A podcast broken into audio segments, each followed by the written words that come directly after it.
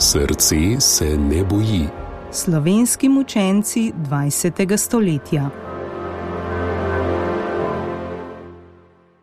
Emil Kete, bogoslovec 1924 do 1944.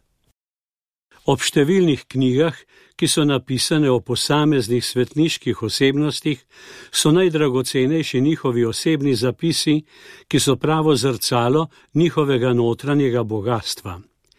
Tako smo globino svetosti papeža Janeza 23. lahko na poseben način spoznavali ob branju njegovega dnevnika duše ali pa prisrčno sproščenost pristnega krščanskega življenja svete Terezije deteta Jezusa skozi njene osebne zapise, ki so zbrani v knjigi Povez duše. To so oni, ne v razlagah drugih, ampak so sami tukaj, pristni, neponarejeni, nepopačeni. Tudi moj dnevnik, mladega bogoslovca Emila Keteja, jasno riše njegovo svetlo podobo. Čeprav je kratek, Emil ga je pisal od vstopa v goriško bogoslovje avgusta 1944 do mučeniške smrti proti koncu tega leta, nam vendar dobro predstavi mladega fanta, ki se je z vsem srcem oklenil gospoda Jezusa. Njegovo kratko življenje se je čudovito ujelo z besedami apostola Pavla, ki jih je izbral za življensko geslo: Življenje je meni Kristus. Emil Kete je bil rojen v Dolenjah, župnija planina pri Ajdoščini 1. julija 1924. Vzgojen je bil v krščanski družini in je kmalo začutil duhovniški poklic. Leta 1937 se je upisal v Načkofijsko gimnazijo v Gorici. Med tovariši je bil priljubljen in vse je kazalo, da bo odličen duhovnik. Poznal je mučence komunistične revolucije v Mehiki in je bil tudi sam pripravljen na tako smrt. Iz danih dejstev lahko sklepamo, da so komunisti pripravljali njegov umor. Po končani gimnaziji v juliju 1944 se je upisal na teologijo v Gorici. Poglejmo, kakšen utrinek iz njegovega dnevnika. Takole piše: Prva vsakdanja misel mora hiteti k jutranjemu premišljevanju. Tako se človek najlažje pripravi na molitev, ki je zelo pomembna za celodnevno duhovno življenje. Le če bom dobro premišljeval, bom imel zagotovljen dober izid vsakega dne. Do sebe je bil kritičen. Takole zapiše: Koliko bi že moral napraviti v svojem duhovnem življenju? Moja omahljivost pa je kriva, da sem tako malo napredoval. Spet se hočem bolj potruditi.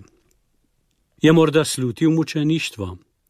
Emil je zapisal: S Kristusom moramo trpeti osamljenost na Olski gori, z njim prenašati udarce svojih sovražnikov, krvavi pot, bičanje in križanje, ki ga je Jezus sprejel, moramo biti pripravljeni sprejeti tudi mi. Tisto jesen je njegov oče resno zbolel.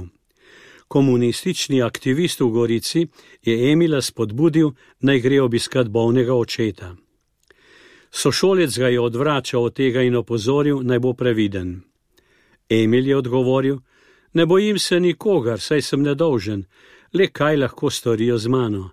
Če se mi kaj zgodi, če me bodo ubili, kot so ubijali v Mehiki, bodo moje zadnje besede: Živel Kristus kralj. Očel je domov. Njegov oče je umrl po šestih dneh. Neki terenec je spraševal, kdaj se namerava vrniti v Gorico. Emil je sklenil, da se vrača 11. novembra. Šel bi z Nemci, ki so v bližini Ajdovščine imeli skladišče, iz katerega so vozili robo v Gorico. Njim so se lahko pridružili civilisti, da so imeli varnejšo pot. Ta dan pa niso šli, zato je šel naslednji dan sam, peš. Na poti sta ga dve oboroženi ženski aretirali in predali dvema partizanoma pri Šempasu. V hiši, kjer je živela tašča njegove sestre, so zahtevali hrano in povedali, da imajo s sabo nekega farja. Njega so potem odpeljali. Tašča je spoznala Emila.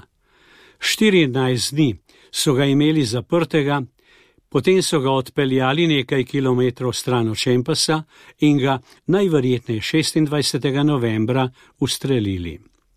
Jeseni 1948 so njegovo truplo pokopali na pokopališču v Braniku.